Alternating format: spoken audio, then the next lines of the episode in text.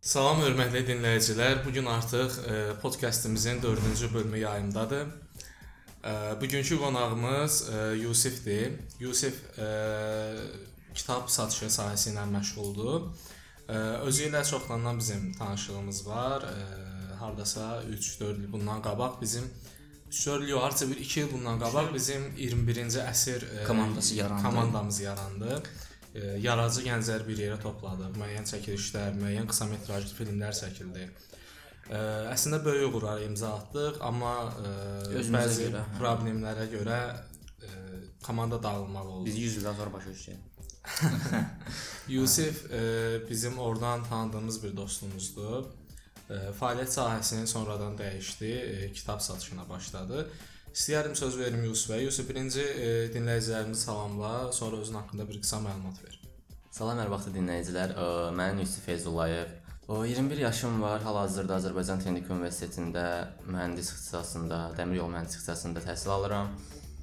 Ə, Zakin də dediyi kimi hardasa 2-3 il əvvəl biz 21-ci əsrdə Vasif, Zakir, Həsən və sair digər uşaqlara tanış olduq. Bir yerdə çəkilişlərimiz oldu, ssenarilər yazdıq, tədbirlərdə iştirak elədik.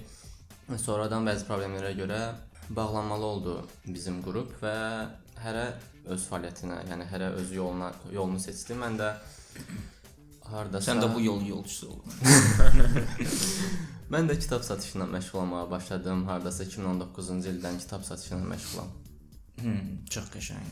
Yusif, e, sən bu e, kitab satışın, bu təzə-təzə başlayanda ağlında nə planlar var idi?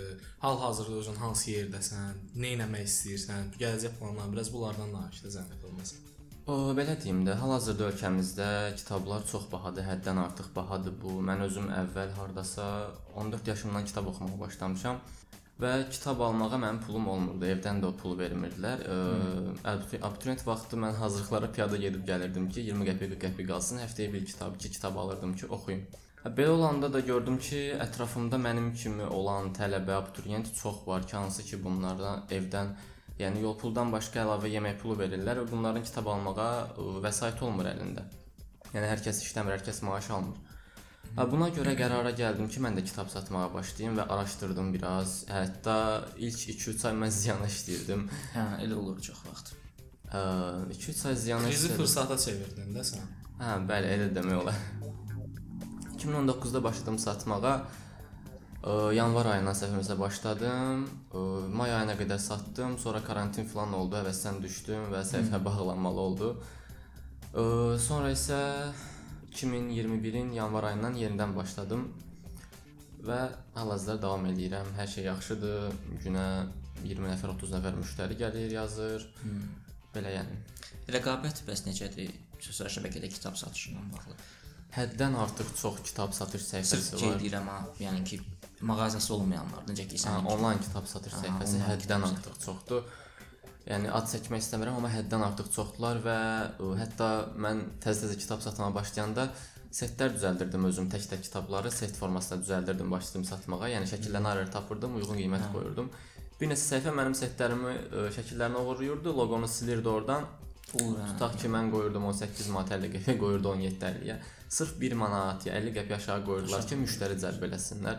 Özlərinə yazanda isə biz bunu Google-dan tapmışıq deyirlər. Mən də məcbur artıq bir şey sübut eləmək olmur deyə bir şey deyə bilmirdim. Demək olar ki, bütün sahələrdə var da bu problem. Vasif yaxşı bilər. Vasif qrafik dizaynerdir də. olur. Vasif sənin özünün işlərini belə götürmək. Mənim şəxsi işlərim, hal-hazırki posterlərim yox, amma ə, əvvəllər mən YouTube-da video paylaşırdım. O videoları bir neçə kanallarda gördüm ki, paylaşırlar.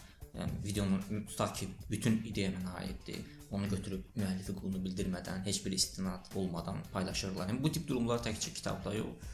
Yəni çox şeylər də olur kitab satışında yox.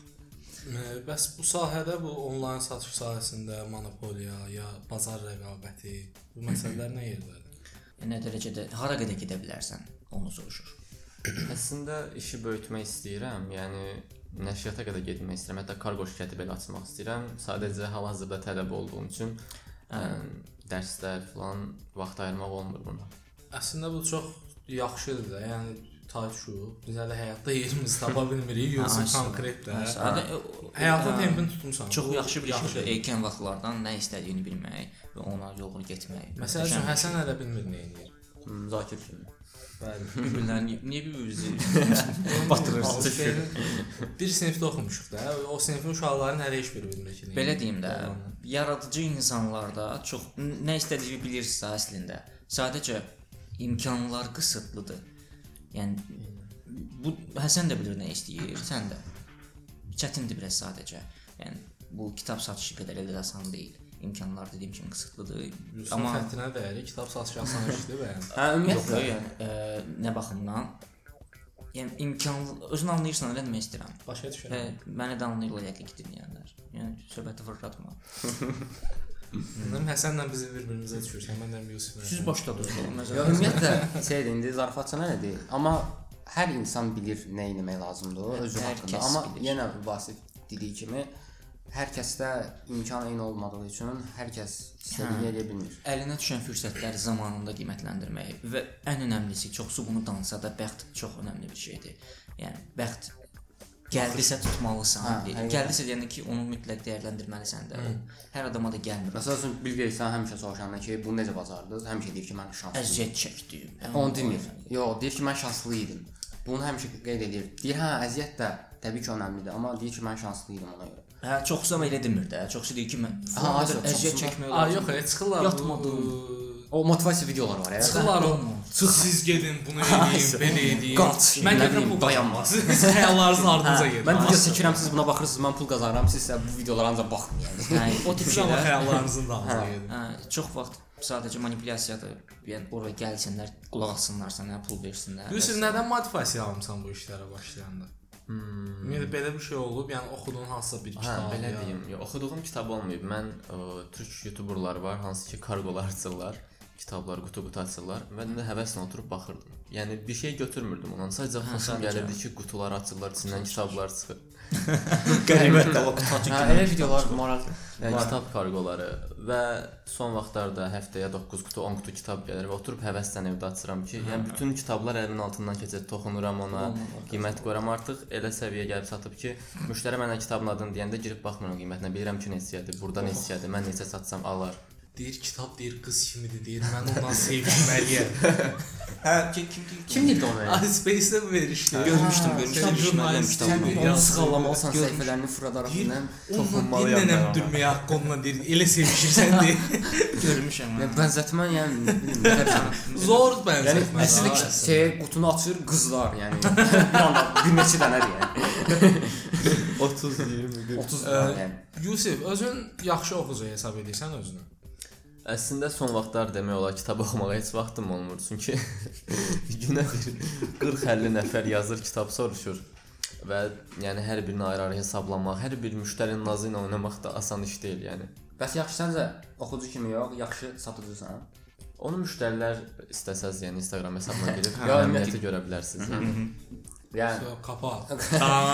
ya soruşmam o ki, yəni özü də yəni burada tam olaraq Məncə yaxşıyam çünki inkişaf etmiş görsən, yoxsa hələ deyirsən ki, yox da hələ mən balacayam, amma var da yəni məndə. Belə deyim, səhifənin takipçisi olaraqdan səhifə çox zəifdir. Çünki müştərilərdən mənə hər gün mesaj gəlir ki, sizin səhifə niyə belə az takipçisi var?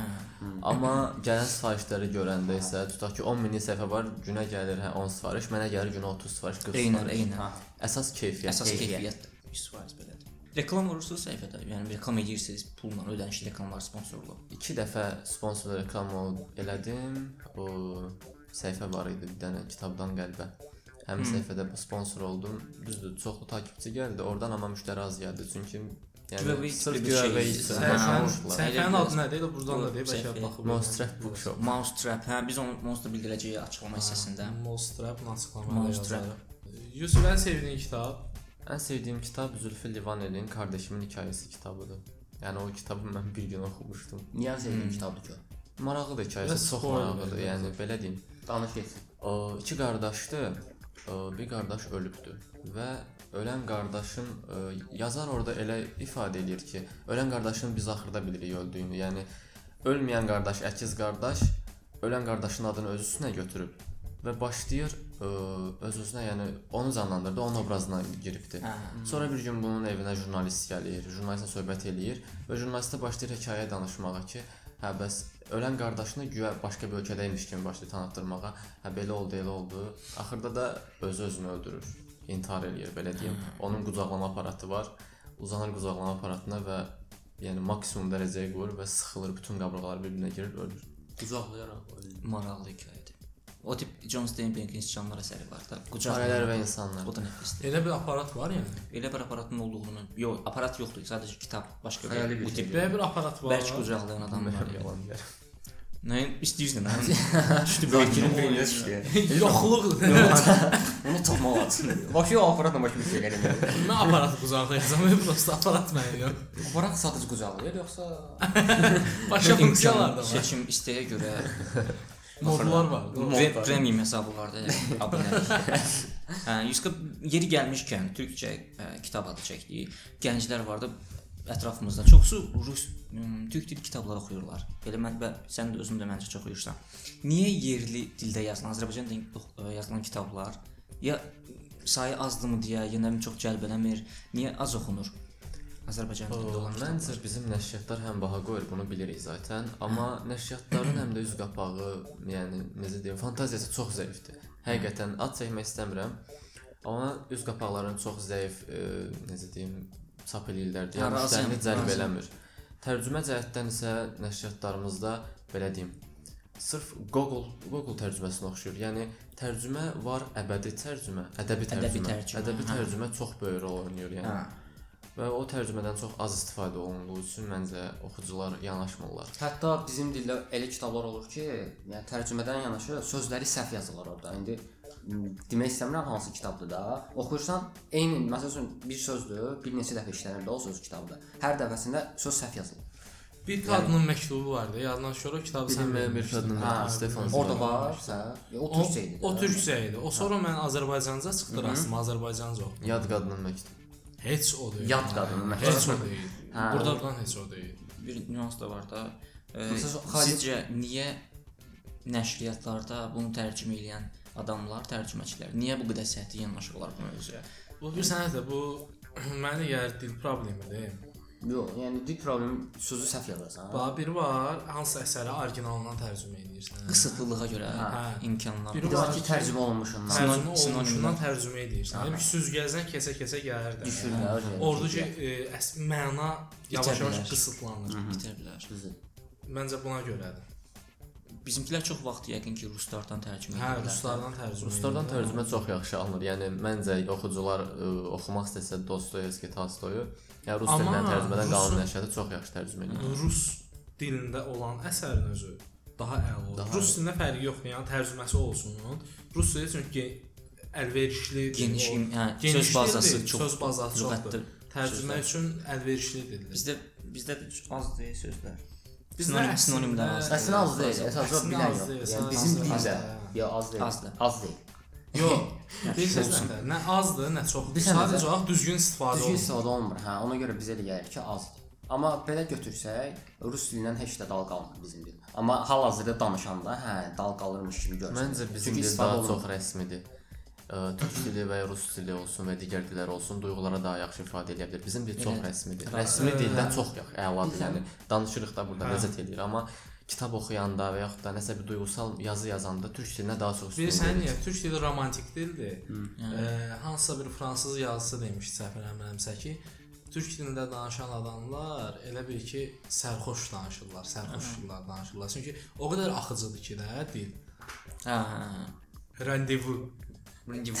Ümumiyyətlə bizim fransız Türk dilindən fransızdır. hə. Hasan Ali Gücəl o çox yaxşı rus dilindən türk dilinə tərcümə edir.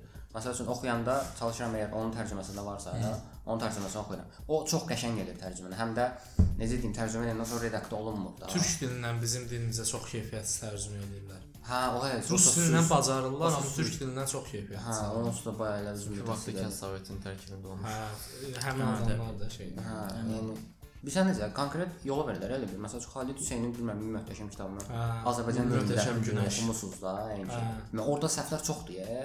Sözlər səhv yazılıb, yəni bildiyin. Hı, hı.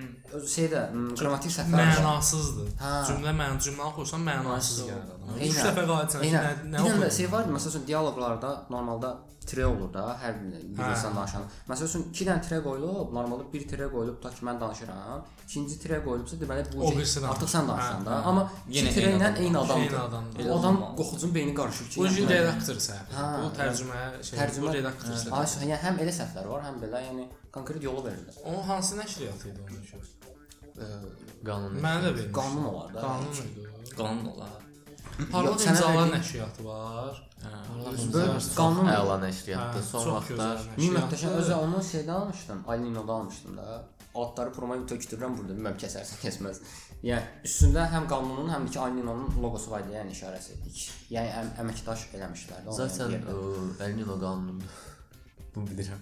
hə, eyni Eyni adamın. hər hə, onda heç nə qanunu. özləri eləyib. Nə qanun Yəni- ködüdür. Parlaq imzaları deyirdim. Parlaq Aha. imzalar son vaxtlarda belə həqiqətən ulduzu parlayan bir nəşriyyatdır. Gözəl kitablar nəşr edirlər. Axırıncı dəfə oranın bir kitab parlaq imzalar təəssüf verməmsə. Mən getmişdim sərgiyə. Hə. Orada Rəsul Həsənin ə, dizaynerliyin əsasları, qrafik dizaynın əsasları daha doğrusu belə bir kitab aldım. Parlaq imzalar Hə. idi. Va- Səhv vermirəmsə Piaz parlaq idi yoxsa parlaq. Ya parlaq imzalar. parlaq imzalar idi. Hə, o kitabı aldım. Kitabı oxuduqca görürəm ki, böyük xətalar yoxdur, amma sözlərdə hərflər yeyilib, ya, bu tip problemlər olur. Bir neçə Ə, səhifədə gördüm. Onun e, parlaq imzaların e, xoşuma gələn tərəfi kitabın sonunda bir qeydlər var ki, e, kitabla bağlı təklif və iradlarınızı bildirməyiniz və kitabı bəyənmirsinizsə qaytara bilərsiniz də. Təklif iradlarınızı bildirin və bəyənmirsinizsə qaytara bilərsiniz kitabı. Bazanın sözündən də belə bir şey nəticə çıxır. Məsələn, onu qoyublar da ora, amma oxucular məsələn ona çox da fikir vermir. Əslində biz bunun üstünə düşsək, məsələn mən oxucu kimi bu səhvi görürəm və gedib deyirəm ki, normal olaraq da ki, burada belə bir səhviniz var. Mənlə yanaşı bunu bir neçə insan da eləsə, artıq onlar bu səhvi eləməz. Bildiyin çəkinərlər ki, oxucular bunu Çəkənlə istəmir. yox, e, bu inkişafı üçün bu lazımdır. Hə, Sən təbii. özün düşün, oxucu kimi. Eynən. Sən yaxşı kitab oxumaq istəyirsən, orfoqrafik səhvi olmayan kitab oxumaq istəyirsən. Normativlər. Ona görə də nəşriyyata müra- müraciət edə ki, nəşriyyat öz üstündə işləsin, Hə. özünü təkmilləşdirsin. Amma bunu elə eləyən yoxdur. Ona görə də heç nəşriyyat fikirləşir ki, hə oxuyurlar da. Ya nəşriyyatlar çox tələsir. Adicə qanun özü aya 200 kitab nəşr eləyir. Baxırsan ki, səhv söv. Parlaq imzalar da son vaxt ulduzu parladı dediniz, amma baxıram ki, 4-5 kitab birdən çap elədilər. İnşallah ki, sərgiyə səhvlər görə belə oldu, sərgi keçdi. Sumqayıtda da sərgi oldu. Orada da 4-5 kitab Ağdişi tərcümə eləmişlər cinayət cəzanı, vadidəki zamlar. Ağdiş var, var da, Ağdiş var da. Ona Var yeni yəqin düzəlişlər edin onu Bax, bana bilim. Bax, O işdə də var səhvlər. Ovoddur, Ağdişdir. Bunlar elə bil ki, tez-tez təkrar olunan tərcümələrdir. Bir neçə nəşriyyatda mən görmüşəm ki, bu iki dənə kitabın çünki tələbat var o kitaba. Ə, Elə bil ki, tirajın da müəyyən sayı var da. Yəni Hə. nəşriyyat ikinci dəfə tiraj də kitabı bir buraxmazdı. Şey eləyir də, yəni biznesə çevirirlər də, yəni. Hə. Çünki tələb var kitab, məşhur kitab da başa Hə. düşdün nəfər. Amma daha bilinməyən kitablar var ki, başqa dillərdə. Onları tərcümə etmək lazımdır. Onları Arad Alatoran yayınları tərcümə eləyir. Alatoran. Al. Bunu oxumaq lazımdır. Yaxşı kitab, yaxşı film. Baxır yazarına və kitaba. Yəni ə, məncə məsəl üçün kitab hırsızı kitabı var, Mark Suzakın. Adını səhv demiş ola bilərəm. Məncə onun ə, kitabı çox sıxıcıdır. Çünki ə, axıcılığı yoxdur kitabın, amma filmi çox qəşəngdir həqiqətən. Filmini izləməyi tövsiyə edirəm. Çingiz Abdullayevin belə bir fikri var idi ki, ə, deyir, yaxşı kitabın yaxşı filmi ola bilməz. Niyə? Çünki kitab əgər yaxşıdırsa, Filmə ehtiyac yoxdur artıq. filmə ehtiyac olmur. Deyir, çünki e, film elə bir şeydir ki, orada nələrsə ixtisar olmalıdır, Ha, nələrsə dəyişilməlidir. Çünki bir vaxt oxuyursan, öz xəyal dünyanda bunu təsvir edirsən. Amma bu bunu çəkməyə gələndə əlində müəyyən imkanlar var axı. Ondan kənara çıxa bilmirsən. Deyir ki, yaxşı kitab, yaxşı kitabın yaxşı filmi ola bilməz. Hə, tutdum mən, anladım. Başa düşdüm. Çox ə, əslində bərəzli fikirlər deyən adamdır, amma anlayan adam onu anlayır da, başa Hə. düşür. Son vaxtlarda bir problem yaşanmışdı Singiz Abdullayevlə bağlı. Xəbəriniz oldu? Yox? Hə, hə, paylaşmışdılar. Ə, paylaşmışdılar. de- deyir ki, tələbələrlə görüşür. Deyir ki, birinci Qarabağ müharibəsi olmayıb. bizə soyqırım eləyiblər. Bizim ordumuz olmayıb. Bizim dövlətçiliyimiz ancaq hakimiyyət üstündə gedib. Bizə biz əliyalın olmuşuq. Ermənistan dövləti ordusu olub və bizə qarşı təcavüz eləyib. Deyir, əgər siz desəniz ki, 1-ci və 2-ci Qarabağ müharibəsi işlətsəniz, gələcəkdə ermənilər uşaqlarını öyrədəcək ki, müharibənin birində biz qalib gəlmişik, birində Azərbaycan. Hmm. Buna görə şeylərdə Çingiz Abdullayevə belə söz tənqidinə tutdular da. Nətər 1-ci Qarabağ Nə müharibəsi dedilər? olmuyor. Hə, sən bizim şəhidlərimizin ruhunu saymırsan deməli, nətər olmuyor. Yəni, Yəni, fakt, şəhid faktlar var- burada. Burada indi o Hə. heç də indi şəhidlərin ruhu təbii ki. Hə, Amma burada bu faktlar müharibə deyil axı. müharibə deyil bəli. Bu əslində düz fikirdir ha, amma ad, bir sənə də ətraf da- tərəfdən düzgün qarşılanmadı o fikir. Hə. Çingiz Abdullayev nə Azərbaycan dilini bilmir, vətən xainidir, belə deyirlər. Çingiz Abdullayev deyir ki, o o dövrlərdə 90-cı illərdə mən özüm qardaşımı, əm, nə bir neçə qohumumu itirmişəm orada. Hmm. Həmin müharibədə. Özümün də əsli deyir Ağdamdandır. Mənim babam da orada basdırılıb. Deyir, çıxır bunu deyir, gen deyirlər ki, yox, ey, sən səhv eləmisən, onu deməzdin gərək.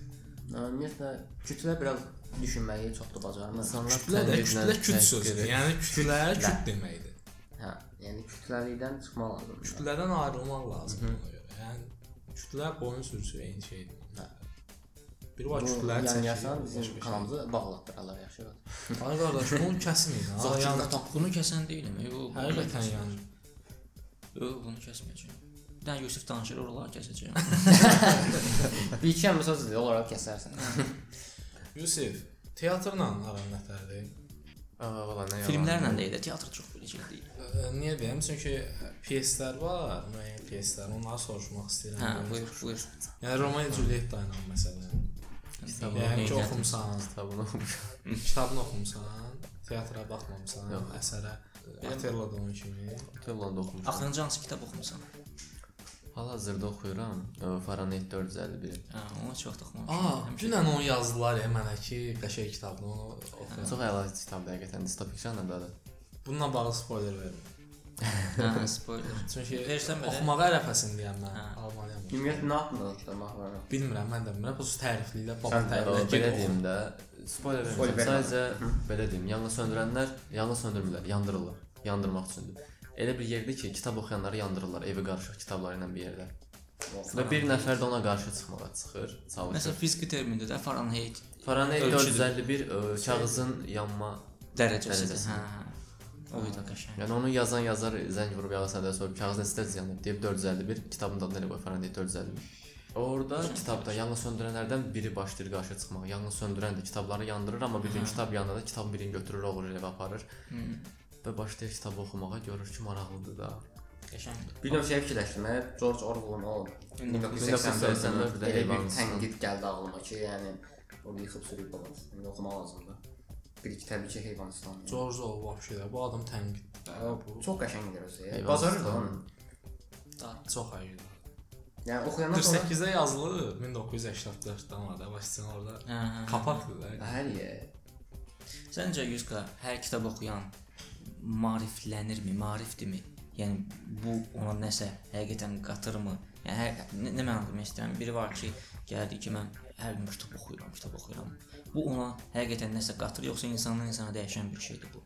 Həm ə, insandan insana dəyişir, həm də kitabdan kitaba çox dəyişir. Çünki tamam okey demirəm hər gün klassik oxusunlar, hər Hə. gün ə, nə bilim Dostoyevski oxusunlar, Tolstoy Çox oxusunlar. ağırdır. Mən heç onları oxuya bilmirəm ki, ümumiyyətlə. Ə, Maraqlıdır əslində Dostoyevski. Məsələn, cinayət və cəza deyirlər çox ağırdır, amma çox maraqlıdır. Bilirəm onu e, hekayəsindən oxumamışam. Ə, amma məsələn Türkiyədə hal-hazırda son 2 ilə 3 ildə Vətbət kitabları çox məşhur olub. Hansı ki, sərt oğlan, incə qız, nə bilim, belə sevildi, sevmədi, atval verdi. Yəni ruslar demiş dilimizdə şey olmasın. Və qız rədd elədi, oğlan getdi, qolunu kəsdi, o kəsdi. Hə, hə, hə. Belə kitablar çox məşhurlaşıb və onu oxuyanlar da elə bilir ki, mən kitab oxuyuram, mən nə bilim maariflənirəm, belə oluram. Elə deyil. Amma kör-körənə ə, klassik oxuyan da çox tanıyıram ki, oxuyuram heç nə başa düşmür, deyir ki, hə, mən belə oxudum, belə Var. oldu. Belə yəni. Yəni həqiqətən kitabı oxuyan, kitab hiss edən azdır. Mən belə Orta görürəm. məktəbdə oxuyanda bir kitab məşhurlaşmışdı. Sən 17 yaşımsın. Hə, sən Hələ də satılır, hələ də satılır. hələ də. Yaxşıdır. Və mağazalar 15 Romantik. manata satır. Oy. 15 manat. Hə, mən 4 Hələ manata satılır. satıram. Kitab qız sinif yoldaşımda vardı qızda. Əlində gəzdirir də bütün gün. Hə, yəni ki bu oxucudur. Deyirəm oxuyub. Bir deyim, oxuyub oxuyub qurtarmısan o kitabı. Deyir hə. Bir dənə ver də onu görüm nədir, nədən yedi söz. Oturmuşam axşam, otur oxuyuram. Bir səhifə oxuram görürəm ay, o da 2 səhifə, 3 səhifə, 10-15 səhifə oxudum. Gördüm bir vaxt itirirəm mən. O, o da. Hə, yəni heç bir xeyri yoxdur. Bir Yuval dənəsi də var idi. Panda. Noah. Hə, nə idi? Huzurlu Yox, panda. ə, çox Huzurlu panda nə idi? Huzurlu panda, Ponçik, Monçik pandası belə kitablar doludur, yəni. Şey, Hə, doludur. Şeyin idi o yazısın? Ola olaksılıksız var evlənə. O da Olasılıksız. qarşıma. Hə. Olasılıqsız çox əla kitabdır. Oxumamışam, Amma amma çox əla kitabdır. çox yerdə görmüşəm. Yuval Noah Harari'nin Gəlin sizə belə bir trilogiyası var ya onun. Onları mütləq Ondan oxu. çox satmışam, oxuyacağam inşallah. Hə. Gəlin sizə belə bir fəlsəfi sual verin. Siz ümumiyyətlə niyə insanoğlu özünü kitab yazmağa lazım görür və kitab oxuyur? Yəni yazır və yazdığını oxuyur. Yəni 101-ci sən zəhmət olmasa fikrini bildir. Hər şey Yusuf sən də. Hədiyevin- Yox sən qonağımızsan, e, sual səndən ünvanlanır. Sonra hər hamımız öz fikrimizi bildirəcəyik. Ə, belə deyim də, mən sizin fikrinizə qulaq asmaq istəyirəm axı. Yaxşı, buyur. Zakir sən buyur. Dünya yaranır. Getdik ya Allah. Get Sökənlər. 4 gün yarım əvvələ getdik. Diyar. Doğuş, Dünya yaranır. Doğulur. Ə, Deməli insanlar bir-birləri ilə əlaqə qurmaq üçün bir vasitə axtarırlar. Nitqi tapırlar. Nitqdən sonra ə, işarələrlə müəyyən yazı növləri var idi də. Bunları kəşf edirlər və insanlar başlayırlar bir-birlərindən ə, əlaqə, kontakt yaratmağa. Sonra biraz da vaxt keçir, müəyyən inanclar yaranır, totemlər yaranır. Artıq ə, müəyyən fiqurlar düzəldib onlarla başlayırlar söhbət eləməyə. Biraz da vaxt keçir, dinlər yaranır və bilmirik bu kitablar nə tər gəlib, kim tərəfindən deyilib, kim yazıb və bir kitab yaradılır. Tövrat, İncil, Hə, müqəddəs Quran, kitablar. səmavi dinin kitabları. Ə, bu üç kitab yaradılır. Allah insanla kitab vasitəsilə əlaqə yaradır, kontakt qurur. Aha. İnsanlar oxuyur, həyatın konstitusiyasını öyrənməyə başlayırlar bu kitablardan və deyirlər ki, belə yaşamaq lazım imiş. Və artıq görürlər ki, bir kitab onların həyatını başladı yönləndirməyə. Müəyyən insanlar ağıllı insanlar olur, öz fikirlərini təbliğ eləməkdən ötəri başlayırlar öz kitablarını yazmağa, öz Allahlılarını irəli sürməyə. Kilsə tərəfindən İncilin 3 dəfə dəyişdirildiyi məlumdur. Sırf biz bunu bilirik ki, 3 dəfə İncil dəyişdirilib kilsə tərəfindən. Hər özünə nətər sərf eləyib elə yazıbdı İncil. Ki, İncilin orijinalı yoxdur. Aha. Bilmirik ki, bu məsələ digər kitabların başına gəlib yoxsa yox. Özünü Allah hesab edən kəslər insanla əlaqə qurmaq üçün, öz fikirlərini onlara bildirmək üçün. Çünki deyir ki, kitabda əgər Allahın fikirləridirsə, özünü Allah hesab edən kəslər başlayırlar kitab yazmağa. Yəni, bunlar da mənim fikirlərimdir. Bilin və bu buna əməl edin də. Yəni Bilin buna əməl mənim fikrimlə razılaşın. Yəni, Şeydir, bir e, Oğuznamələr var idi. Sonra Oğuznamələr yox, e, Qobusnamə, nə bilim, əslində çoxdur da. Yəni xalqın tarixi ilə bağlı olan şeylərdir. Bunlar qələmə alınıblar. Dildən dilə keçib sonra da qələmə alınıblar. İnsanlar həmişə axtarışdadılar. Nə isə həyatla bağlı nə isə axtarırlar. Hər şey tam yerində olsun, ha, ailə, sağlıq falan, hər şey. Amma nəsə axtarırlar həmişə. O kitabda onlara bir ümid yeri olub da. Yəni burdan bəlkə axtardığımı tapa bildim. Özləri də bilmirlər nə axtarır. həmişə elə bil ki, nəsə çatmır da. Yəni, Nəsə çatmır, yarımçıqdılar. Yarımçıqdılar. O kitablardan başlayırlar o şeyləri axtarmağa. Qurana inanıblar, oxumadan da inanıblar, oxuyub da inanıblar. Nə bilim, oxuyub inanmayıblar.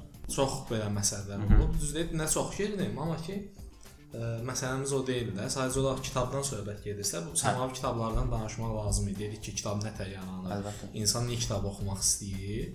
İnsan öz həyatını yönləndirmək üçün ə, yol axtarır. İndi deyə bilmərəm ya mən. Mən ilahiyyatçı deyiləm. Mən deyə bilmərəm Quran həqiqətən də Allah tərəfindən deyilib, kimsə onu oturub yazıb ya.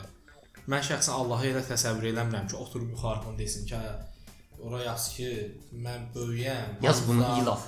Hamınızdan böyüyəm mən, mənim hamınız bəndəmsiniz, ağıllı olun, yoxsa sizə atacağam cəhənnəmə. Mhm. Belə bir söhbət yoxdur da. Yəni mən tanıdığım tanrı belə eləməz. Tanışdığım Hə. Sən yoxdur. Hə, yəni Çox qəliz məsələdir. Qismən razıyam səndən. Mən ə, bu yaxınlarda oxuyurdum bizim dildə tərcümə olunmuş Quranı və nəşri bir neçə yox Allah şükür nəşriyyat idi. bir neçə tərcüməçi tərəfindən yazılmış kitabları oxudum ki, müqayisə eləyim ki, hansı daha məntiqlidir. Çünki orada müəyyən münaqişəli fikirlər var idi. Oxuyurdum və görürsən ki, sənin dediyin kimi, yəni bir çox e, tərcümə xətaları və yaxud da qəsdən edilmiş xətalar ki var, onlar çox böyük təsir eləyir. Bir insan kimi sənin tanrıya olan baxış bucağı böyük təsir eləyir və sən hətta ateistliyə qədər yolunu var dayan gedib çıxa bilirsən. Və sırf bunlara görə həqiqətən də ateist olan adamlar var. Amma həmin adam biraz da araşdırsa, həqiqətən araşdırsa, amma araşdırmaq asan bir şey deyil. Yəni gedib nə qədər gəzməlisən, araşdırmalısan, əl yazılarla filan ki, həqiqətən də həqiqət tapasan. Tapa bilməsən belə cəhd eləmiş olasan.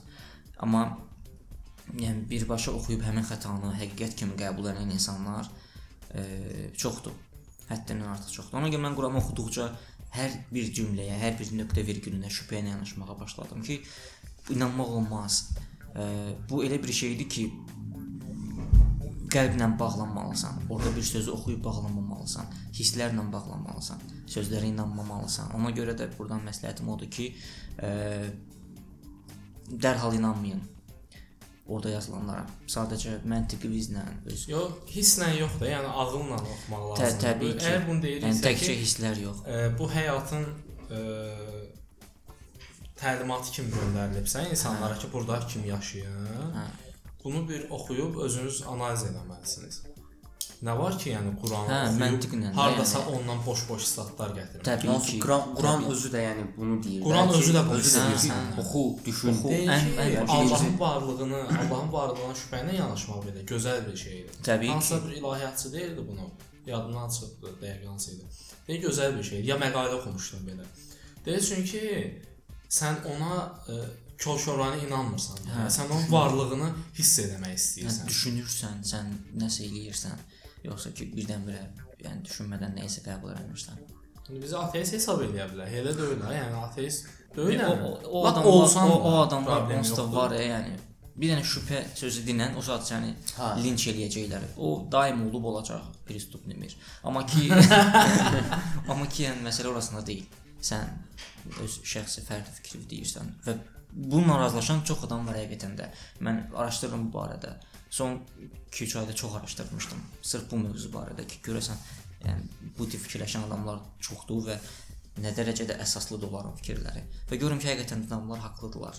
Yəni çox şey bizə yanlış ötürülür və biz də onları yeyirik. Razılaşsan Həsən fikirlərimizlə. Yusuf sənin fikrin nədir mövzuda? Sən Yusufun fikir deyəcəydin. Həsənin sualı başqadır. Amma biz biraz başqa çox Cem- yox, hə, çox çox proqramlı getdi dinə. Sən sual ətrafında. Hə, yəni verdiyim sual. Yəni bu bu mövzuda danışmasam da olar. Niyə kitab yazılır və insanlar niyə kitab oxuyur? Hə. əhəmiyyəti. O belə deyim də Zakirin də dediyi kimi keçmiş zamanlarda ə, insanlar çox cahil idilər həqiqətən. Düzdür, hələ də aramızda var cahil insanlar və aralarında tək-tük ağıllar var idi və onlar da öz fikirlərini hamıya çatdırmaq üçün m, yəni kitab yazmağa əl atdılar. Sonra da dəriləri soyuldu. Yəni Nəsimi kimi. Hmm. Hə, əl atdılar kitab yazmağa və insanları, yəni necə deyim, anlayana kömək oldu, anlamayansa cahilliyinə davam elədi, öz cahilliyində boğulmağa başladı. Yəni əhəmiyyəti böyükdür. Təbii ki, əhəmiyyəti. Onda yəni belə çıxır ki, kitabın çox böyük bir gücü var da, yəni. Təkcə kitabın deməzdim. Əgər sənin çatdırdığın məlumat belə deyim də həqiqətən də həqiqəti çatdırırsansa, bunu hansı informasiya vasitəsindən ötürürsənsə ötür. Yəni kitabla da ola bilər. Keçən podkastımızda dediyimiz kimi musiqi ilə də ola bilər. Hansısa, nə bilim, filmlə də ola bilər. Yəni Tək o o vaxtki dövr- həqiqət çatsın. İndi o vaxtki dövrdə Hə, film bunu tələb eləyib, musiqi kitab olub, amma yəni məlumatı kitabla daha alternativ yol olub, daha yaxşı. Ona görə kitabla Tələbat yoxsa ki, xüsusi yəni. bir səbəb yoxdur ki, kitabla göndərib. Yəni sırf buna görə o vaxt imkan olub. Onda Ondakı- nəticə etibarilə belə desək, insanoğlu həmişə bir axtarışdadır Təbii. və bunun cavabını tapmaq üçün hər dövrdə müəyyən vasitələrdən istifadə ediblər. İstifadə eləyir. və bunlardan biri də kitab olub vaxtı ikən. Vaxtı ikən yox. Elə elə də kitabdır, amma hal-hazırda sən məlumatı Yəni- çox tərəfli qəbul edirsən. təkcə kitab deyil, yəni demək istədim. Hə, təkcə kitab idi. Belə. Nəsə deyəcəydim mən unutdum. Dinlə bağlı. Amma dindən məncə çıxaq. Dindən çıxaq deyəndə ki, o mənə duyur. dindən, din mövzusundan çıxaq. Yusif, təşəkkür edirəm bura gəldiyin üçün. Maraqlı, belə intellektual söhbətlər elədiyin üçün. Düzdür, səndən çox biz danışdıq amma yenə də sağ olsun. Bahana olaraq Ə, gətirirəm. Sənə işlərində uğurlar arzulayırıq. Gələcək fəaliyyətinlə bağlı. İnşallah bu biznesini böyüdərsən. Biz də işçi kimi işləyə. Bizi yaddan çıxarma. Kuryer kimi gəlib işləyə bilərik məsələn belə ola bilər. Ə, mafiyadalıq gələk. Sonda özün belə Demək istədikləri. nə demək, nə ürək sözün varsa bunu denə. Ə, Çox sağ olun dəvət etdiyiniz Nəzərə al ki, sözündən sonra qəsd edirik biz adam burada. Son sözü. Sən məni gülməmişdin. Ə, Çox sağ olun mənə dəvət etdiyiniz üçün uşaqlar həqiqətən. Yəni ə, Vasif mənə deyəndə ki, səni 4-cü qonaq kimi çağırmaq istəyir. Yəni çox sevindim həqiqətən. O burdan demək istəyirəm izləyicilərə, həm də kitab oxuyanlara ki, Dinləyicilərə, izləmirlər. Olsun dinləyicilərə, kitab oxuyanlara burdan demək istəyirəm ki, Hə. ə, bol-bol kitab oxuyun, amma anlamadan oxumayın. Çalışın, anlayaraq oxuyun Və və kitablarınızı hardan alın? Monster Monster Asıra bu şey. Nə neçə abi bu şey podkastı. Bu üzrə. Reklam da bəs. Bunu sən editdə başa düşərsən. silərsən də Vasif. Sən poltu reklam gedir də burada. Düyü düyü ela não, usa. Salmão.